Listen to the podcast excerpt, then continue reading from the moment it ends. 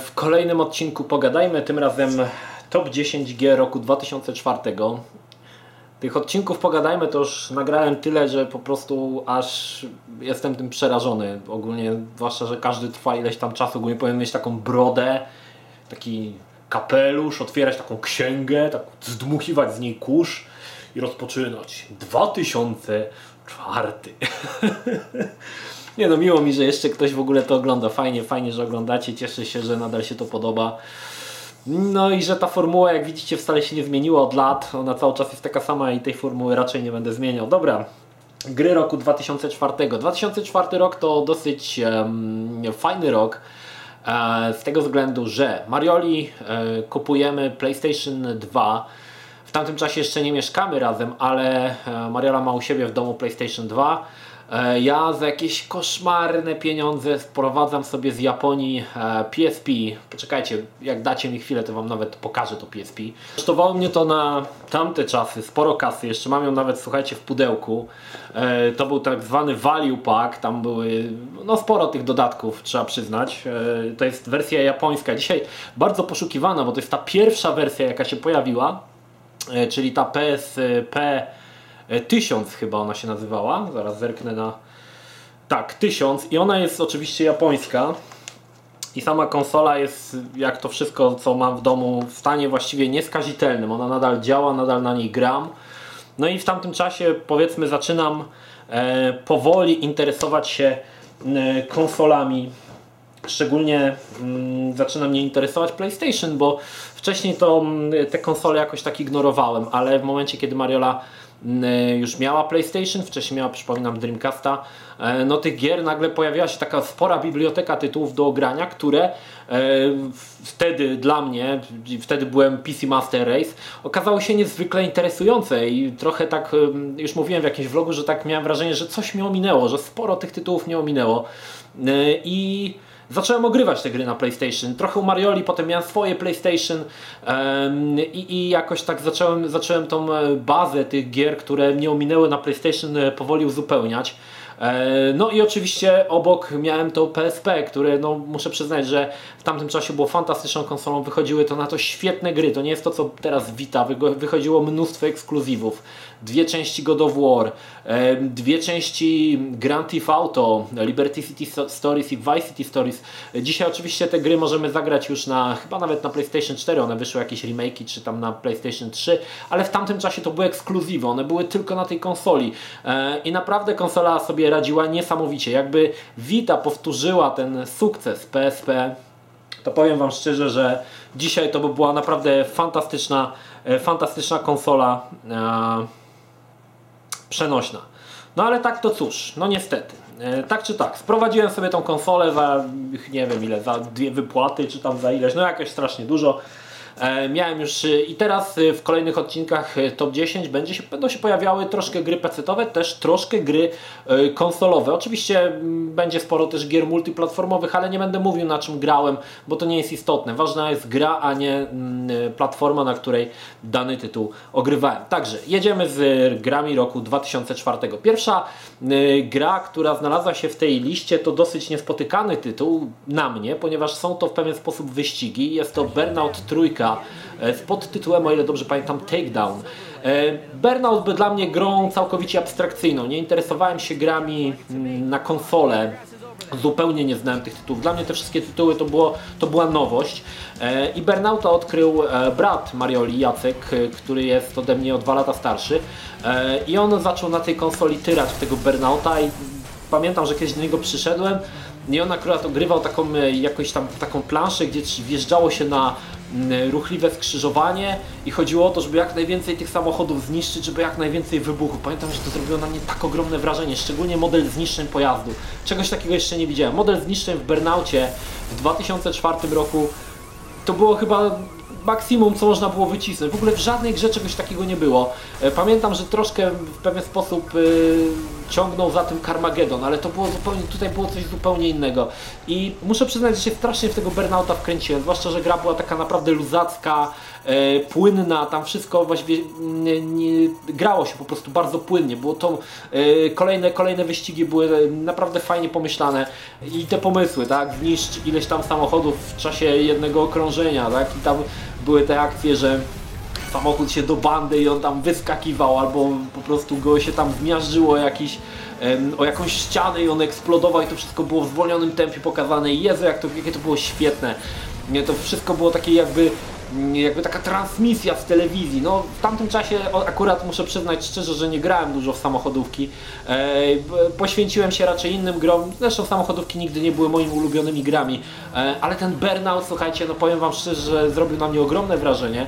E, I o ile dobrze wiem, on na PlayStation 2 święcił ogromne triumfy. To była ogromna, bardzo popularna gra zaraz po premierze i pewnie troszkę później. I, pamiętam, że mnóstwo, mnóstwo czasu spędziłem niestety nie mogę powiedzieć, że ją skończyłem tak od A do Z, ponieważ no, tak jak mówiłem wcześniej, nie miałem swojej konsoli, grałem zazwyczaj u Marioli, e, także tam było, wiecie, no też nie przychodziłem do niej po to, żeby grać od rana do wieczora, tak? E, chociaż często tak to wyglądało na samym początku, gdy miała PlayStation 2, bo graliśmy razem tak naprawdę.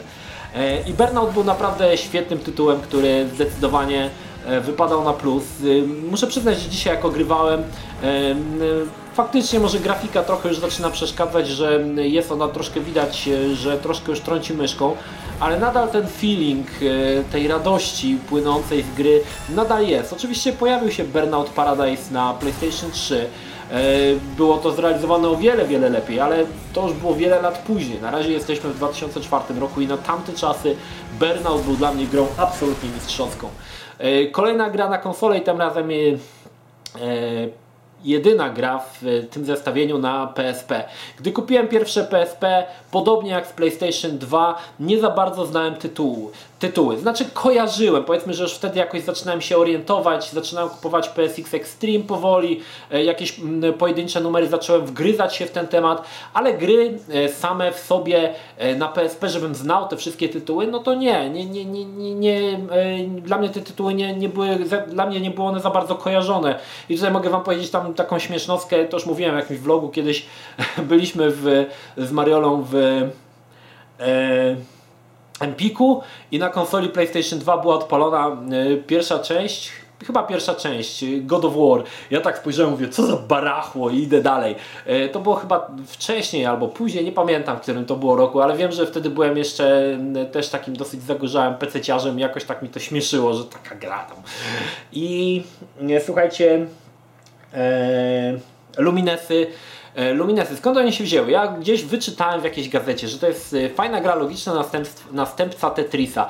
Przyznam szczerze, że Tetrisa grałem swojego czasu w takich ruskich gierkach i ograłem go wiele, wiele setek godzin, można powiedzieć.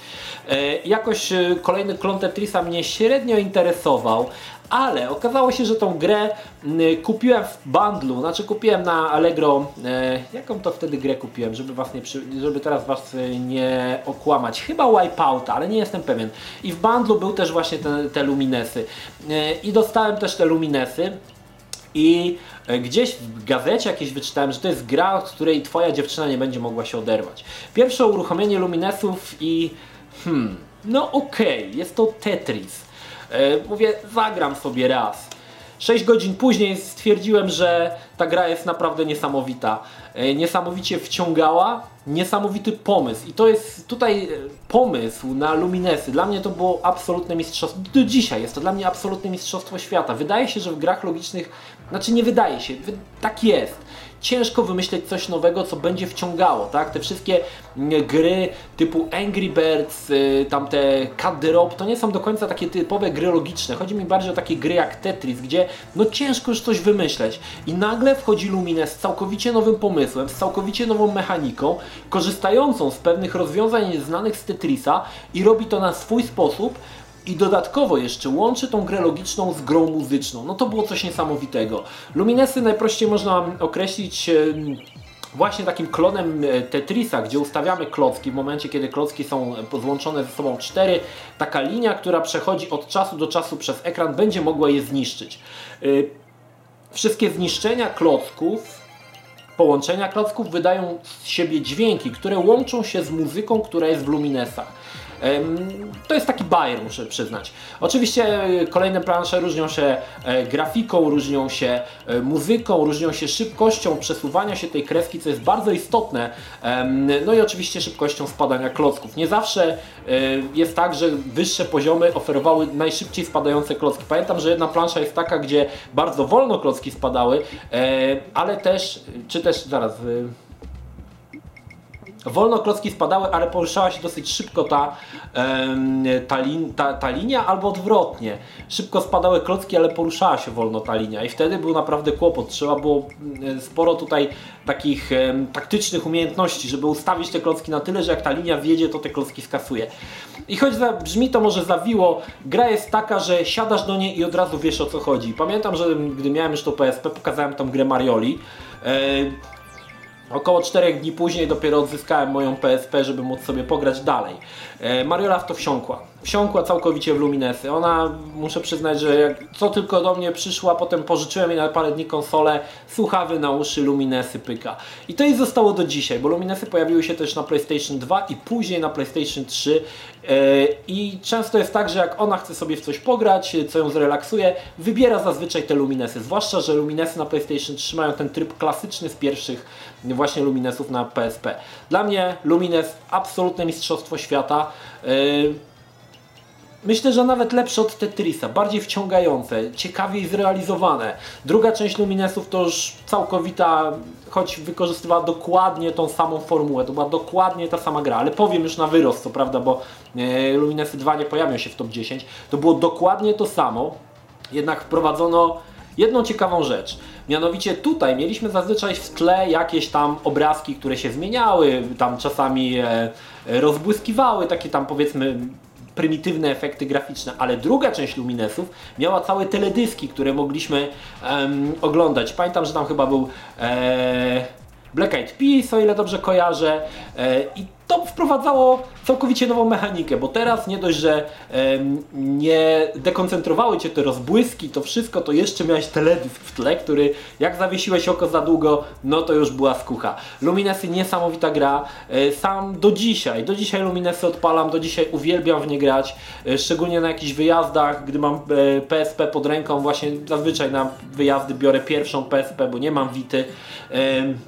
Luminesy, dwie części Luminesów to jest dla mnie must have absolutny, one muszą być, bo i ja w nie gram, i Mariola nadal tyra Luminesy i sprawia nam to naprawdę niesamowitą przyjemność. Dla mnie tytuł, który yy, swoim geniuszem, można, mógł, można, przynajmniej ja przyrównuję go do Tetrisa. To jest naprawdę ogromne wyróżnienie, żeby przyrównać jakąś grę do gry e, Aleksieja Parzytnowa i stwierdzić, że to jest ten sam rodzaj geniuszu. Dla mnie to jest właśnie ten sam rodzaj geniuszu, bo zrobiono to naprawdę e, świetnie. No i wracamy do gier na e, PC-ta. E, kolejna gra to horror. E, horror z ciekawym zestawie, z ciekawą mechaniką, mianowicie jest to pierwsza część Obscure. E, Obscure był pierwszą grą, o ile dobrze kojarzę, typu slasher. Nigdy wcześniej tego typu gry typu slasher nie pojawiły się na PC-ta. E, dodatkowo gra była pokazana troszkę w stylu Resident Evil. Mieliśmy e, paru bohaterów, paru nastolatków i każdy z nich mógł zginąć. Dodatkowo mogliśmy bohaterów oczywiście zmieniać. E, no i to był taki typowy horror, działo się w takiej na, na samym początku w opuszczonej szkole, gdzie tam w podziemiach jakieś fantastyczne stwory żyły, które trzeba było osłabiać latarką, tam tego typu rzeczy. Jeżeli sama idea brzmi Wam znajomo, to tak, e, Until Dawn na PlayStation 4 wykorzystuje właśnie tą mechanikę, która pierwszy raz pojawiła się w Obscure. Nie wiem dlaczego, ale wiele osób uważało Until Dawn za grę e, absolutnie rewolucyjną, ale tak naprawdę w 2004 roku był Obscure, na której Until Dawn tak naprawdę jest oparte, bo to są dokładnie te same założenia. Obscure, tak jak powiedziałem, to było też e, to było fajne, że każda postać mogła zginąć. E, można było oczywiście próbować ją uratować, bądź e, no jeżeli zginęła, to po prostu graliśmy kolejną postacią. Sama gra nie była może, to nie była ta jakość co w Resident Evil, ale na plus należało dać to, że Tutaj tła nie były prerenderowane, tak? wzorem e, Teus Silent Hilla, wszystkie tła były trójwymiarowe i muszę przyznać, że na 2004 rok wyglądało to naprawdę dobrze, kurczę, te tła były, miały mnóstwo detali. E, jedyne co chyba wszyscy pececiarze do końca życia zapamiętają w Obscure to koszmarne sterowanie. Koszmarne sterowanie, które wymagało mnóstwo czasu, żeby się przyzwyczaić. Jakoś te klawisze były dziwnie poustawiane i tam jakoś dziwacznie to było, bo tam można było łączyć przedmioty jak, w jakiś dziwaczny sposób. I do dzisiaj pamiętam, że to sprawiało mi na samym początku sporo trudności, ale potem, gdy już opanowałeś sterowanie, no wsiąkałeś w tę, w tą grę. Fakt faktem, y, jak każdy team slasher, fabuła była dosyć głupia, ale podobnie jak w Until Dawn mogłeś sam decydować um, o losach swoich um, bohaterów, tak? czyli czy się z nimi zżyjesz, czy nie. I to muszę przyznać, że wypadło świetnie. Obscure e, gra całkowicie dzisiaj zapomniana z jakiegoś powodu. Pojawiła się jeszcze druga część, nie pamiętam w którym roku, ale e, pierwsza część jakoś tak całkowicie zapo została zapomniana, a szkoda, bo mechanika była naprawdę na tamte czasy rewolucyjna e, i dopiero w 2015 roku postanowiono skorzystać z tej mechaniki z Obscure i stworzyć e, jedną z fajniejszych gier na PlayStation 4 swoją drogą Until Dawn. Także Obscure zasłużone miejsce na e, mojej liście. Kolejną grą gra na podstawie filmu. Co ciekawe, jedna z niewielu gier na podstawie filmu, E, które wypadły dobrze, może nie do końca na podstawie filmu, na bohaterach, które występo, którzy występowali e, w filmie. Jest to Riddick Escape from the Butcher Bay. E, Riddick był postacią, która pojawiła się pierwszy raz w filmie Pitch Black. Całkiem niezłym filmie science fiction. Jeżeli ktoś z Was nie widział, nie widział to polecam. O wiele lepszy niż Badziewiarska w, moim opinii, w mojej opinii, tam Atak on Tina, czy jakieś tam i ta trzecia część to już w ogóle. Ten Pitch Black był zdecydowanie najlepszym filmem, na takim najbardziej mrocznym. No i tam wypłynął, wypłynęła postać Riddicka granego, grana przez Vin Diesela.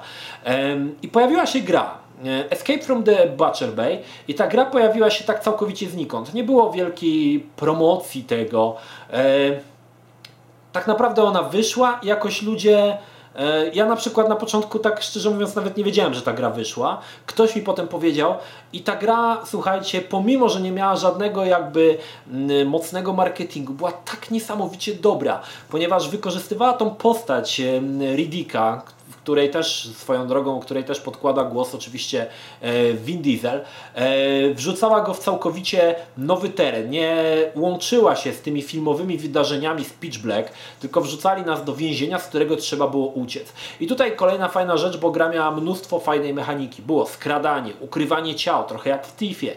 Była walka na, walka na mm, pięści, na noże, e, były zadania poboczne, które wykonywaliśmy. Mnóstwo tych elementów e, w tej grze się pojawiało, które sprawiało, że ta gra była naprawdę dobra. Ona naprawdę e, miała mnóstwo zawartej w sobie mechaniki. To nie była durna strzelaninka, idź i strzelaj, tylko miała pewną głębię, miała coś, coś, coś ciekawego, chciała sobą zaprezentować i gracze to docenili, słuchajcie, pomimo bardzo lichego marketingu. Nie wiem, czy gra się sprzedała dobrze, ale wiem, że gracze bardzo sobie cenili e, Escape from the Butcher Bay, e, bo po pierwsze trzymała się tego filmowego pierwowzoru bohatera, czyli Riddicka. E, po drugie miała naprawdę świetnie, e, świetnie zamontowaną, zmontowaną mechanikę z różnymi zadaniami pobocznymi. Nie odcinała kuponów po prostu od e, filmu, bo najprościej było stworzyć, nie wiem, strzelaninkę w stylu, nie wiem, Duma, tak? Idź i strzelaj Riddickiem, haha, ale fajnie. A tutaj postanowiono troszkę to dodać głębi tej grze i to się zdecydowanie udało. Butcher Bay do dzisiaj uważam za jedną z ciekawszych, nawet nie mogę powiedzieć, że to strzelanin, że to jest FPS, bo to nie do końca jest FPS, to można powiedzieć, że to jest taka bardziej gra zręcznościowo-strzelankowo-przygodowa, e, tak bym to określił, właśnie w uniwersum, e, w uniwersum Riddicka. E, dzisiaj odpalając tą grę muszę przyznać, że nadal ona wygląda świetnie, podoba mi się ten mroczny klimat Butcher Bay, ciemny, taki, taki przybijający, no i nadal ta mechanika, nadal ta mechanika wypada świetnie. Choć pamiętam, że w 2004 roku premierowa edycja gry działała dosyć licho. Pamiętam, że tam potem były jakieś patche, które usprawniały to e, działanie tej gry i po którymś tam patchu ta gra działała dobrze. Pamiętam, że ta premierowa wersja cierpiała na mnóstwo gliczy, ale dzisiaj z perspektywy czasu potrafię to wybaczyć, bo oferowała ona tak odmienną mechanikę gry od y, typowych FPS-ów, że e, no cóż, wypada jej to dzisiaj wybaczyć. Kolejna gra, kolejna gra, którą grałem co prawda na PC, ale mam też ją za, obok Luminesów zawsze na PSP. To Sid Meier's Pirates. W pierwszą grę, w pierwszą część Piratów grałem jeszcze na starusieńkim Commodore C64. E, miałem wersję polską, to chyba było jakieś takie nieoficjalne spolszczenie. E, gra, która wrzucała nas na Karaiby i byliśmy kapitanem pirackim. Możliwości, które dawała ta gra, mówię tu jeszcze nadal o wersji Commodore, e, była naprawdę niesamowita. Mogliśmy odwiedzać porty, mogliśmy atakować statki, handlować, szukać zaginionej rodziny, szukać skarbu, polować na piratów, no po prostu pff, głowa eksplodowała. Wszystko oczywiście było w dosyć lichej grafice.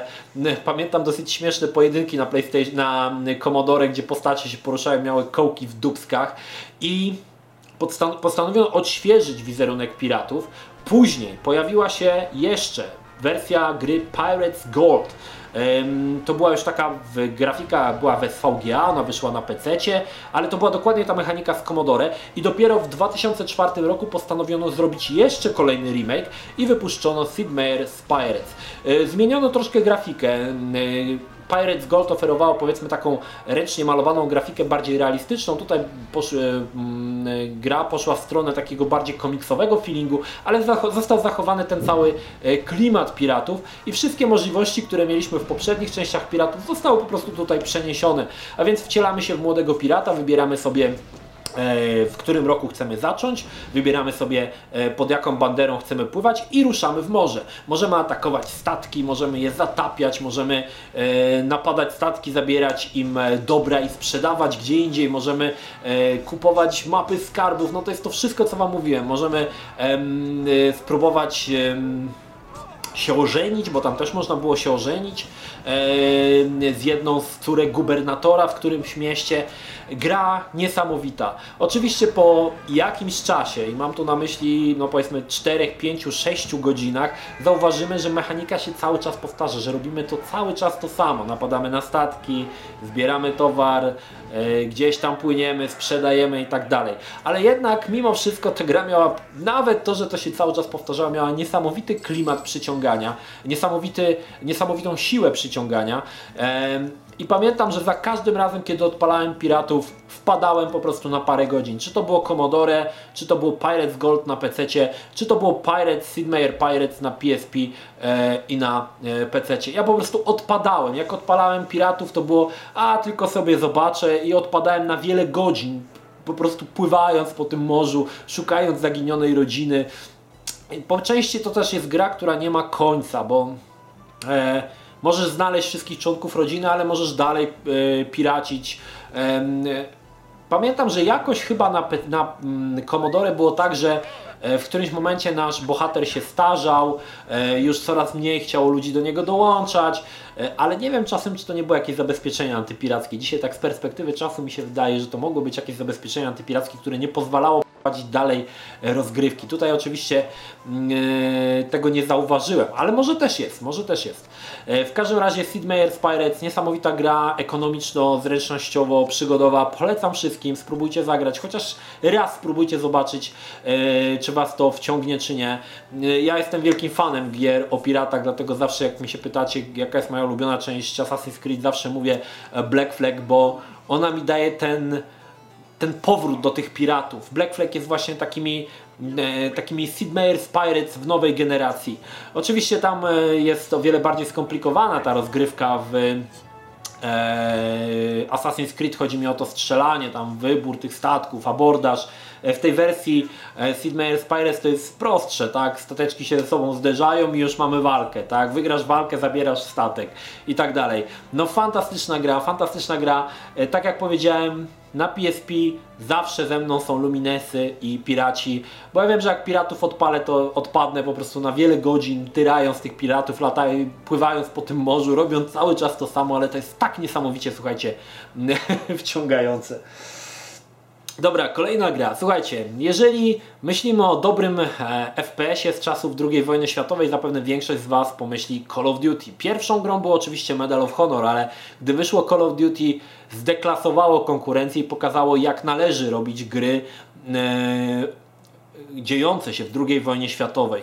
Druga część Call of Duty tylko przypieczętowała e, to, że Activision po mistrzowsku podchodzi do tematu. Jednak jest jedna część e, Medal of Honor, która w mojej opinii wybija się ponad e, gry z Activision i jest to Medal of Honor Pacific Assault. Fantastyczna gra, e, shooter z czasów II wojny światowej dziejący się na Wyspach Japońskich między innymi i też między innymi na samym początku na Pearl Harbor, ale czerpiąca z tych e, pomysłów, które zostały zaimplementowane w Call of Duty, czyli skrypty. E, do dzisiaj pamiętam fantastyczna pierwsza misja, kiedy poruszamy się, przybywamy do Pearl Harbor, jedziemy jeepem z kapitanem, on nam, nam pokazuje, że tutaj to, tutaj tamto i następuje atak Japończyków na Pearl Harbor. No świetny, słuchajcie, klimat, klimat aż się po prostu wylewał z tego, bo jakbyś się czuł po prostu wewnątrz tego filmu Pearl Harbor, dosyć kiepskiego, ale atak na Pearl Harbor w filmie był dobry. Także czułeś się po prostu jak w tym filmie. No i parę wprowadzał też, gra wprowadzała parę nowości, które raczej Call of Duty yy, nie kwapiło się, żeby wprowadzić. E, po pierwsze jest to, w Medal of Honor mieliśmy drużynę. Mieliśmy drużynę czterech hipków, którym byliśmy jedną z, e, powiedzmy, z oddziału czteroosobowego. E, no i mogliśmy wydawać tym ludziom polecenia. Fajnie było zrealizowane to, że jak na przykład dostali, zostaliśmy postrzeleni, mogliśmy wezwać medyka, medyk przychodził, strzykawę w dubsko, pach i odzyskiwaliśmy część energii. Pamiętam, że też świetny był początek Pacific Assault, gdzie byliśmy na takim obozie treningowym, e, który prowadził gość o aparycji tego, e, tego kapitana chyba z filmu e, Full Metal Jacket. Także też taki właśnie taki klimacik był.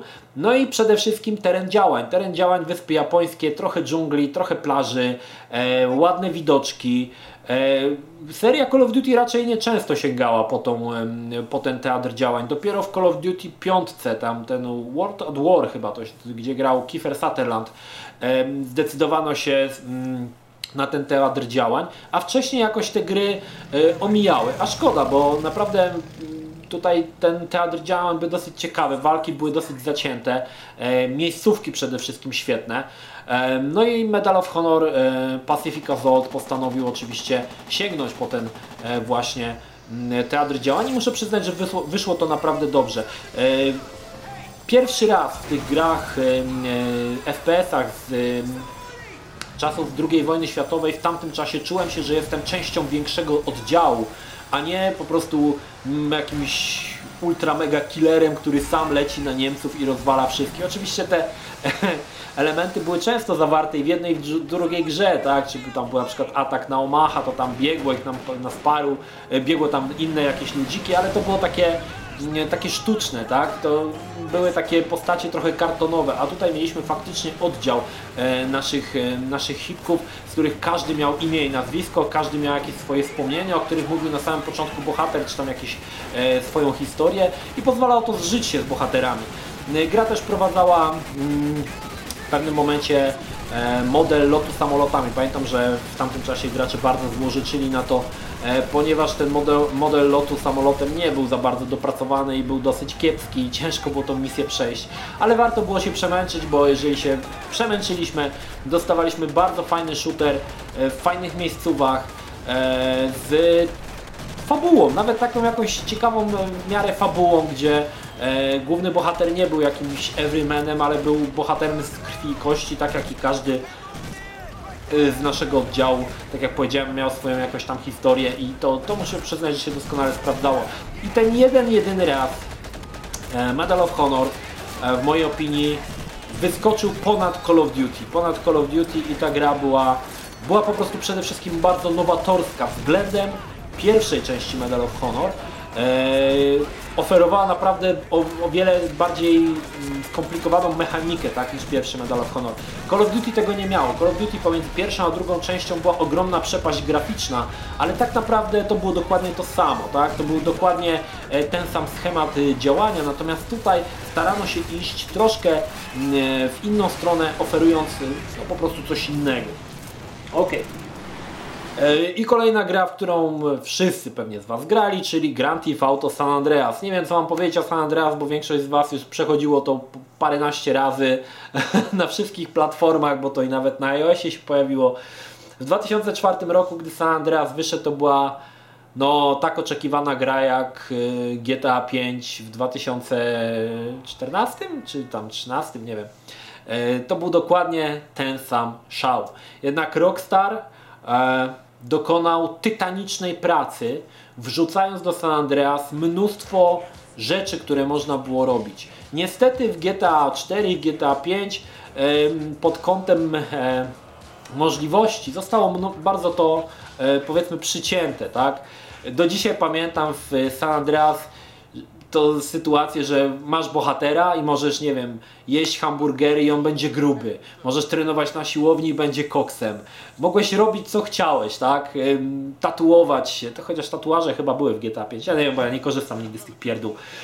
Ale tych, y, ten element właśnie, że można przytyć, że można nabrać tężyzny fizycznej, to było naprawdę spoko, to było naprawdę pomyślane. No przede wszystkim to miasto względem GTA 3 było ogromne, bo to nawet nie było miasto, to był cały stan, słuchajcie, e, gdzie można było wyjechać z tego, z Campton, jechać gdzieś tam e, w góry, w lasy, gdzie chciałeś. Mogłeś wsiąść w samolot i polecieć na jakieś pustynne bezdroża. To było niesamowite. Pamiętajmy, że mówimy o 2004 roku gdzie dopiero w 2000, dopiero GTA 5 powróciło do tego e, tematu, żeby stworzyć cały e, stan, tak? Wcześniej w GTA 4 było po prostu tylko jedno miasto, a tutaj mieliśmy cały ten stan i ogrom, ogrom możliwości. E, możliwość poruszania się mm, samolotami, helikopterami, plecakiem odrzutowym, motorówką, można było pływać, skakać ze spadochronem, no masa rzeczy, które można było wykonać. Ale San Andreas to też bardzo fajna fabuła, e, nawiązująca do e, czarnoskórych raperów. Ja w tamtym czasie byłem mocno zajarany rapem, nagrywałem tego sporo, także dla mnie to było, gra mi była bardzo bliska, bo słuchałem tej muzyki, interesował mnie ten temat i gra właśnie czerpała z tego, ale w tamtym czasie, 2004 rok, to był taki boom hip-hopu na świecie i ona doskonale, ta gra się wpasowała właśnie w ten, w ten czas. I oczywiście mieliśmy bohatera CJ'a, czarnoskórego gangstera, który wraca do swojej e, e, miejscówy, e, no i zbiera całą ekipę innych swoich ziomali i zaczynają, zaczynają się poszczególne misje wraz z odbijaniem poszczególnych dzielnic z rąk balasów. Czyli tu balasy. Balasy. Ciekawe, czy oni byli świadomi, co to w Polsce jest balas. Gra oferowała naprawdę fajną fabułę, świetnie dobrane teksty, e, mnóstwo nawiązań e, postaci do postaci znanych z popkultury, z, znanych właśnie z e, telewizji, tak, z, z MTV, z Vivy, no to było coś naprawdę niesamowitego. Jak dzisiaj nawet na to patrzę, ilość włożonej pracy, jaką włożyło w Rockstar w stworzenie San Andreas, dla mnie to jest po prostu nie, nie, niepojęte, niepojęte ile tam było, słuchajcie, włożone w pracy w to, abyśmy mogli, słuchajcie, no bawić się tą grą. Tam nawet był zaimplementowany model jazdy na rowerze, na którym można było robić sztuczki, tak? To było San Andreas się składała z dziesiątek minigierek, które wszystkie były zebrane w jedno, tak? I to było tak niesamowite. Do dzisiaj zresztą Coffee e, mod, tak? Gdzie można było e, posuwać laski, ukryty mod w San Andreas. Pewnie większość z Was zna. Także no mnóstwo, mnóstwo fantastycznych rzeczy San Andreas oferowało polany gęstym takim klimatem gangstersko-raperskim. E, no i to się podobało, no to się podobało. Wielu ludzi dzisiaj często słyszę, że nie lubię San Andreas, bo to właśnie o murzynach z getta. E, dzisiaj może ten temat nie jest tak e, świeży jak w 2004 roku, ale w 2004 roku, gdy no hip-hop święcił triumfy na świecie, gra trafiła dokładnie na podatny grunt i I ludzie to docenili. No docenili. San Andreas był grą, która no, mało dzisiejszych sandboxów, mało jest takich sandboxów, które potrafią się zbliżyć do możliwości, które oferował San Andreas. Chyba tak naprawdę to chyba żadna gra. Nawet GTA 5 nie zbliża się do tych możliwości, które były w San Andreas. No i z tych innych sandboxów to już chyba też żadna nie bardzo.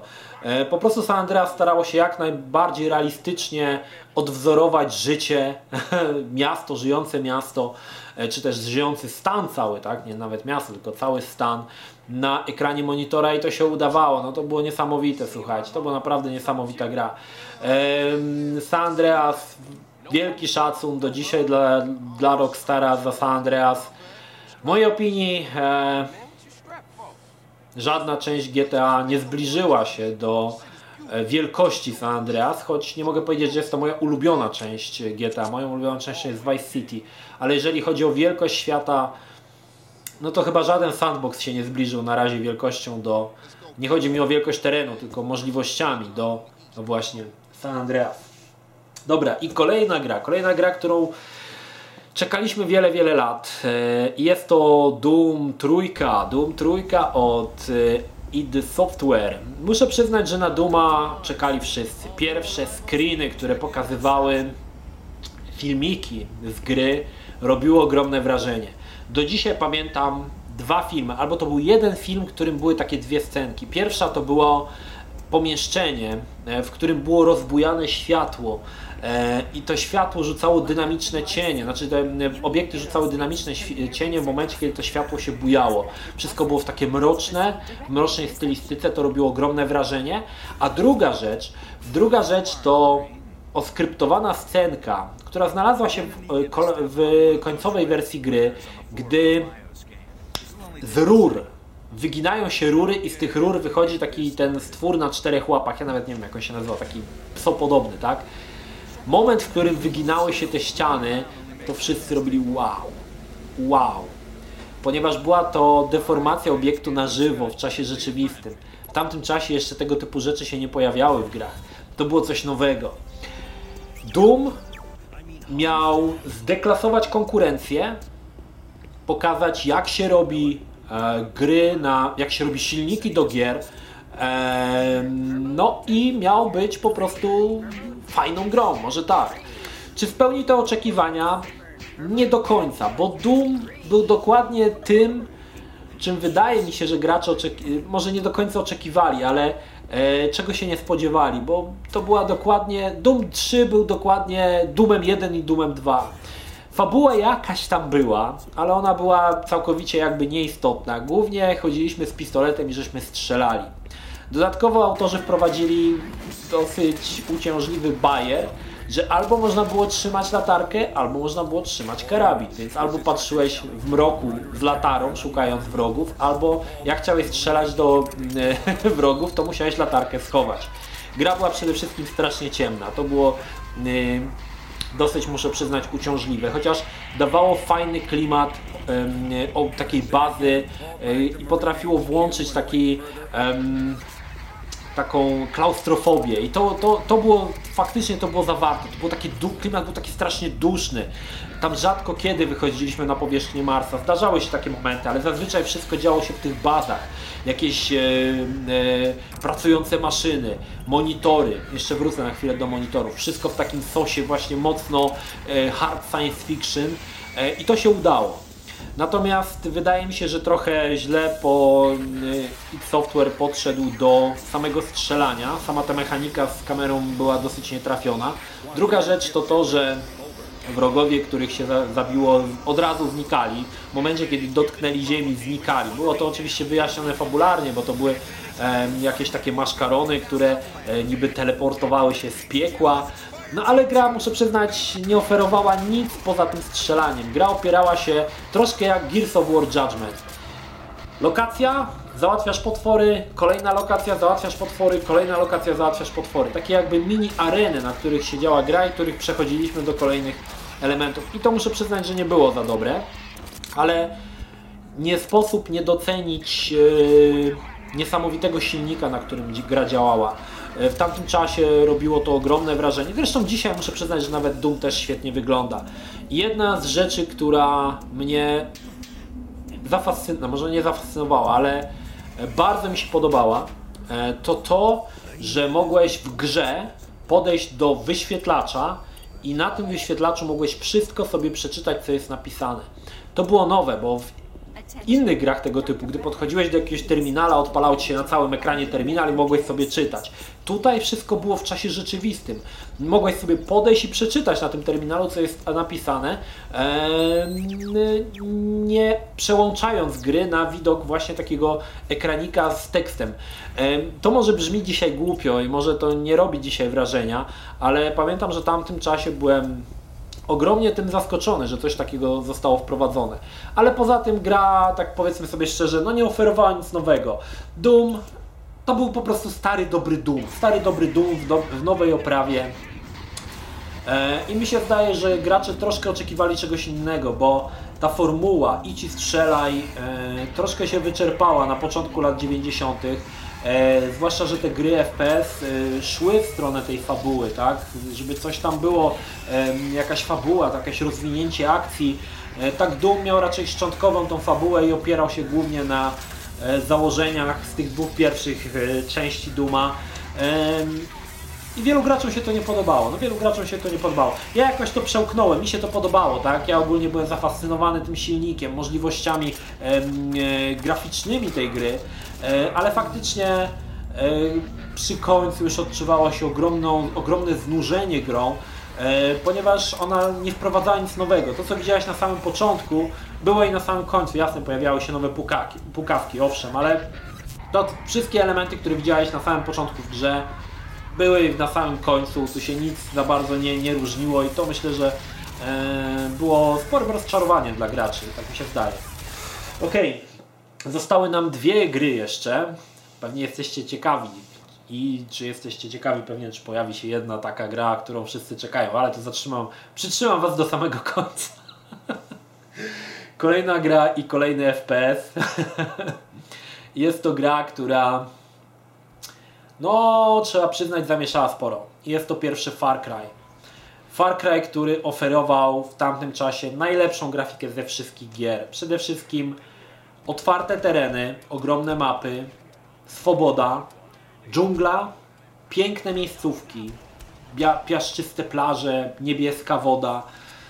Ktoś podszedł do gry FPS w zupełnie inny sposób. Nie zamknięte, duszne bazy, a fantastyczny świat wykreowany przez Yubi. E, taki można powiedzieć e, bajkowy, wakacyjno-bajkowy i wrzucamy w to najemników i naszego zioma, który e, uzbrojony w pukawki stara się przebijać przez kolejne mapy.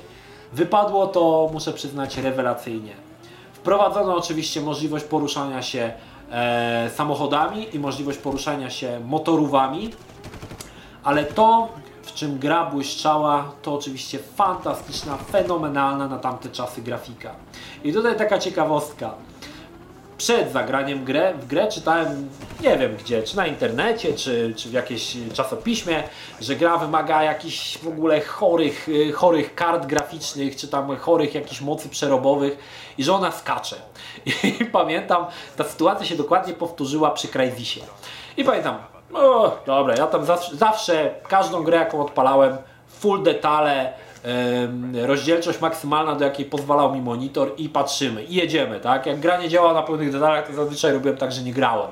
Albo zaczynałem truć rodzicom, że chcę nową kartę. Odpalam, e, Jack budzi się w tej jaskini, przypomina na samym początku. E, wszystko mówię, pięknie działa, co ale muszę mieć super maszynę. U mnie tak super działa, u nim nie działa. I tak chodzę po tej jaskini, no wszystko pięknie, śmiga, nie wiem ile tam było, no 30 klatek, no ale to już na tamte czasy to było mega płynnie, tak? Mówię, super, to wszystko działa, nie? Mówię, nie wiem o co chodzi, że tutaj marudzą, że tak wolno, no i gra oczywiście w pewnym momencie poprowadziła, że wychodziło się z tej jaskini i wychodziło się na otwarty teren, gdzie była dżungla. No i tam spadek z tych 30 do 3 klatek, czy tam do 5 powodował, że było mi bardzo smutno. I ta sama sytuacja pojawiła się w Crysisie pierwszym, kiedy też wszyscy gadali, jakie to ma wymagania. A pamiętam, że na początku odpalam grę, lecę sobie na tym spadochronie, rozbijam się tam e, w, tej wodzie, wychodzę, wszystko jest spoko, do momentu aż nie wstało słońce. Jak wstało słońce, no to już po prostu kaplica. I ta sama sytuacja, ciekawe, bo ta sama sytuacja w grach od jednego producenta. E, ale Far Cry oferował po prostu niesamowite doznania estetyczne. Muszę podładować niestety kamerę, wybaczcie. Już jestem. Far Cry oferował niesamowite doznania estetyczne pod kątem grafiki. No naprawdę to było wykonane to było mistrzostwo świata. Czegoś takiego jeszcze w grach nie było. Miejscówy, które były tak niesamowite. Dodatkowo ta wolność, bo te mapy były naprawdę ogromne. Mogłeś się przemierzać jak chciałeś. Mogłeś śmigać motorówką, jechać samochodem, mogłeś biec przez tą mapę jak szalony, robiłeś co chciałeś. A przede wszystkim yy, mnie zdecydowanie podobało się to, że nie walczymy z jakimiś mutantami, robotami, a naszymi wrogami są zwykli najemnicy, którzy no, mieli nieszczęście być w tym samym miejscu co nasz bohater. I to mi się strasznie podobało, że zrezygnowano z tych elementów nadprzyrodzonych na rzecz strzelania do najemników. Do czasu ponieważ przy samym końcu gra zamieniała się z całkiem niezłego, powiedzmy takiego mm, thrillera w grę science fiction. Pojawiały się jakieś potworki, jakieś takie małpoludy, i muszę przyznać, że wtedy już ta gra, te, te, te, ostatnie poziomy mogłyby w tej grze nie być, bo naprawdę niszczyło to cały klimat. Do, do momentu, kiedy nie pojawiały się te jakieś tajemnicze stwory, gra trzymała fajny klimat właśnie walki e, o przeżycie, o przetrwanie na mm, e, wyspach, na jakichś tam wyspach bezludnych, tak, na której mm, e, stacjonują najemnicy, ale pod koniec, gdy zaczynały się pojawiać te potworki, to już po prostu klimat jakby siadał, ulatywał, tak? Szkoda, że Yubi się zdecydowała na taki twist dosyć, muszę przyznać, no niefajny, niefajny. Dzisiaj z perspektywy czasu też uważam, że on był niefajny ten twist. Ale przez 90% gry no było niesamowicie, było niesamowicie muszę przyznać. I ta gra mi się tak podobała, że grając dzisiaj gameplay zapragnąłem zrobić, jeszcze raz zagrać w Far Cry, a może nawet zrobię jakiś e, materiał, do, to było grane. Tutaj troszkę się e, e, wy, no, e, troszkę jakby wysunę w przód z latami, ponieważ nie chciałem takich nowych gier, znaczy nowych, no, nie nowych, ale sprzed powiedzmy tych 11 lat nie chciałem w to było grane, ale myślę, że dla Far Cry'a warto zrobić wyjątek, bo jest to naprawdę fantastyczna gra. Jasne, dzisiaj może nas to śmieszyć, bo dzisiaj w Far Cry 4, czy tam w Tomb Raider, czy e, w Just Cause 3 grafika jest o niebo lepsza niż to, co było w Far Cry'u, ale na 2004 rok no to robiło wrażenie, robiło naprawdę ogromne wrażenie. No i ostatnia, yy, ostatnia gra, Rise and Shine, Mr. Freeman, Rise and Shine. Mnóstwo czasu spędziliśmy czekając na drugą część Half-Life'a i Valve nie zawiodło. Postanowiło całkowicie jakby zmienić może nie mechanikę, ale zmienić cały klimat Half-Life'a i stworzyło grę, która do dzisiaj jest uważana za jeden z najlepszych FPS-ów na rynku. Half-Life Half 2 oferował podobnie jak Far Cry, niesamowitą grafikę, e, jednak z troszkę z innym podejściem niż na przykład Far Cry i w Doom, tak? Tutaj mieliśmy opuszczoną, ba znaczy opuszczoną, ciasną bazę, fajne miejscówki wakacyjne. Half-Life e, przenosił nas do takiego miasta, które zawsze mi się kojarzyło z Pragą, nie wiem dlaczego. Kojarzyło mi się z jakimś miastem e, właśnie europejskim, właśnie jakąś Pragą albo coś takiego. I i cóż, ponownie się wczoraliśmy w Freemana, doktora Freemana, który tym razem, który tym razem był jego, nie pamiętam jak ten doktor się nazywał, jego głównym wrogiem był jakiś tam doktor, w każdym razie, nieważne. Ale to co mi się podobało to to, że gra oferowała całkowicie inne podejście do tematu. Mieliśmy więc jakichś żołnierzy, jakąś taką dyktaturę w tym mieście, tak? Przeszukania, jakieś tam egzekucje. I my w roli tego uciekiniera, który stara się, który przystaje potem do ruchu oporu, tak, Jaki, taki, tak no powiedzmy ruchu oporu. Gra na tamte czasy oferowała, tak jak mówię, bardzo dobrą grafikę, chociaż tak jak mówię, zupełnie inny klimat niż te gry, które wymieniłem wcześniej. Fantastyczną animację, do dzisiaj pamiętam fantastyczny moment, kiedy ta dziewczyna, Alex, zaczyna wspinać się po e, ścianie, żeby otworzyć drzwi, chyba czy coś takiego, czy zaczyna się bawić z tym robotem, e, wrzucając piłkę. E, no, animacja stała na bardzo wysokim poziomie. Half-Life no po prostu miażdżył, miażdżył pod tym, e, pod tym względem. Podobnie jak w Far Cry dodano troszkę nam e, swobody, czyli mogliśmy poruszać się na przykład takimi e, łódkami, mogliśmy poruszać się samochodem, chociaż tutaj nie było takiej tak dużej swobody jak w Far Cry'u, to wypadało to naprawdę nieźle. Do dzisiaj pamiętam niesamowite e, niuanse które zawierał Half-Life, na przykład zbliżający się pojazd latający, jeżeli były w pobliżu druty wysokiego napięcia, one zaczynały się tak kołysać jak szalone. To były detale, ale one tak po prostu niesamowicie cieszyły. No i przede wszystkim Half-Life to e, niesamowita fizyka na tamte czasy. Niektóre zagadki były oparte właśnie na fizyce, typu beczki, które musieliśmy podłożyć pod taki jakiś pojemnik pod wodą, żeby wypchnęły e, do góry platformę. E, no mnóstwo, mnóstwo takich było właśnie zagadek typowo e, opartych na fizyce, albo niesamowita plansza, gdzie uruchamialiśmy pułapki na nadchodzących tych, te, te, takie zombie, nie wiem jak te stwory, nie pamiętam tych stworów z Half-Life jak się nazywały, gdzie były różne pułapki, tak, na przykład podchodziły pod śmigło i się rozpieprzały. No mnóstwo tych smaczków gra posiadała. E, fizyka stała na ogromna, bardzo wysokim poziomie. E, grafika stała na bardzo wysokim poziomie. No i do dzisiaj, tak jak mówię, uważam, że Half-Life jest naprawdę świetną grą. Nie wiem, czy akurat najlepszym FPS-em na rynku. Mnóstwo osób tak uważa. Ja grał, mi się grało świetnie, ale czy to był najlepszy FPS? Nie wiem. Nie wiem, czy nie lepiej się bawiłem w Far Cry'u. E, tak czy tak, do dzisiaj Half-Life e, bawi, do dzisiaj Half-Life, w Half-Life'a ludzie grają. Pojawiła się cała masa modów. Kiedyś na, w jakimś filmie nawet przedstawiałem Wam e, mod do Half-Life'a 2, gdzie można było zmienić tam właściwie wszystko. Pojawiły się dwa dodatki, epizod 1 i epizod 2. Był zapowiadany epizod 3, który już się nigdy nie pojawił. No i cóż, większość, większość, większość. Wszyscy czekają na Half-Life'a 3, który pewnie za parę lat może i powstanie, a może nie. W sumie Valve nie ma powodu, żeby robić Half-Life 3. Trzepią kasiory na Steamie, więc po co? E, ale tak czy tak, Half-Life e, zasłużone miejsce na tej liście. E, sprawił mnóstwo frajdy. O wiele mi się bardziej podobał niż Half-Life 1 e, wraz z dodatkami.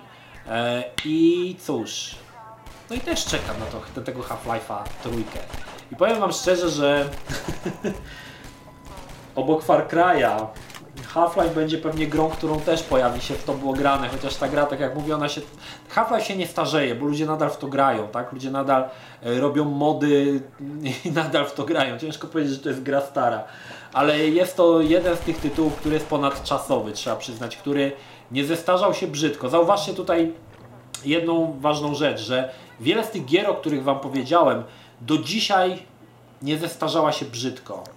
Doom 3, jasne, może tekstury są niskiej już yy, rozdzielczości, ale on się nie zestarzał. Ta gra nie wygląda brzydko. Podobnie Far Cry nie wygląda źle. Yy, I podobnie Half-Life też nie wygląda źle. Zauważmy, że 2004 rok Podobnie jak 2003 rok, ta grafika, postęp graficzny w grach zaczyna powoli wyhamowywać i te gry one nadal wyglądają dobrze i to będzie się tylko, kolejne lata będą utwierdzały nas w tym, że e, gry, które wychodziły w 2005, 2006, 2007 roku, w 2015 wyglądają nadal dobrze, bo to jest e, efektem tego, tak jak mówiłem, że postęp w grafice wyhamował. Już nie za bardzo wiadomo, w którą stronę iść, znaczy może inaczej, nie wiadomo co zrobić, żeby tą grafikę ulepszyć. Czekamy na coś nowego, na jakiś taki taką iskrę, którą była na przykład przeniesienie się ze świata 2D do świata 3D na pierwszym PlayStation. Czekamy na, takiej, na taki, taki, taką nowa, nowatorskość. Tak? Niektórzy w tym upatrują wirtualną rzeczywistość, ale muszę przyznać, ja nadal podtrzymuję, że wirtualna rzeczywistość niestety to będzie lipa i to umrze jak 3D w telewizorach i nikt nie jest w stanie mnie od tego przekonać, zwłaszcza, że te gry wyglądają bardzo licho, bardzo słabo. E, I podejrzewam, że rzeczywistość wirtualna będzie zepchnięta do grania w jakieś popierdółki z telefonów albo po prostu jakieś takie śmieciowe gry, e, które gramy na 5 minut i rzucamy w kąt, żeby do nich nigdy więcej nie wrócić. Tak mi się wydaje. E, I trzymam się tego zdania cały czas. I myślę, że to nie jest ta droga. Czegoś innego poszukujemy. Czegoś innego, co wskaże nowy kierunek deweloperom, aby no, stworzyć gry oparte na nowych pomysłach, tak? które zaczną już z tego pułapu bardzo dobrej grafiki, ale będą wprowadzać coś nowego, tak? coś nowego, co w połączeniu z tą e, fantastyczną grafiką e, zmieni mechanikę, może postrzeganie gier, nie wiem co to będzie, to ciężko powiedzieć, ale nadal czekamy na to, nadal czekamy i pewnie jeszcze poczekamy. Słuchajcie, to było top 10 roku 2004, mam nadzieję, że nie jesteście zawiedzeni, że e, większość gier, które wymieniłem, pokrywają się z Waszymi gustami. Wiem, że coraz więcej osób y, wspomina w komentarzach, że już te gry znają, tak? Dla nich jest łatwiej oglądać materiał o grach, które znają, niż o grach no, y, całkowicie abstrakcyjnych, tak jak było to o latach, początku lat 90. Ale tak jak mówię, no wchodzimy już w taką bardziej nowszą erę. Zaczną się pojawiać gry na PlayStation 3, y, na PlayStation 2, na PlayStation 3, Także no myślę, że tutaj już ten e, element tych, e, tych, tych powiedzmy nowszych produkcji e, będziecie mieli większy, mm, będziecie mogli się podczepić tak, pod te tytuły łatwiej, bo będę mówił o grach, które większość z Was zapewne oczywiście zna. To tyle. Długi vlog. Mam nadzieję, że nie zasnęliście. No i cóż, widzimy się w grach roku 2005. To tyle. Pozdrawiam Was Energii. Trzymajcie się. Do następnego.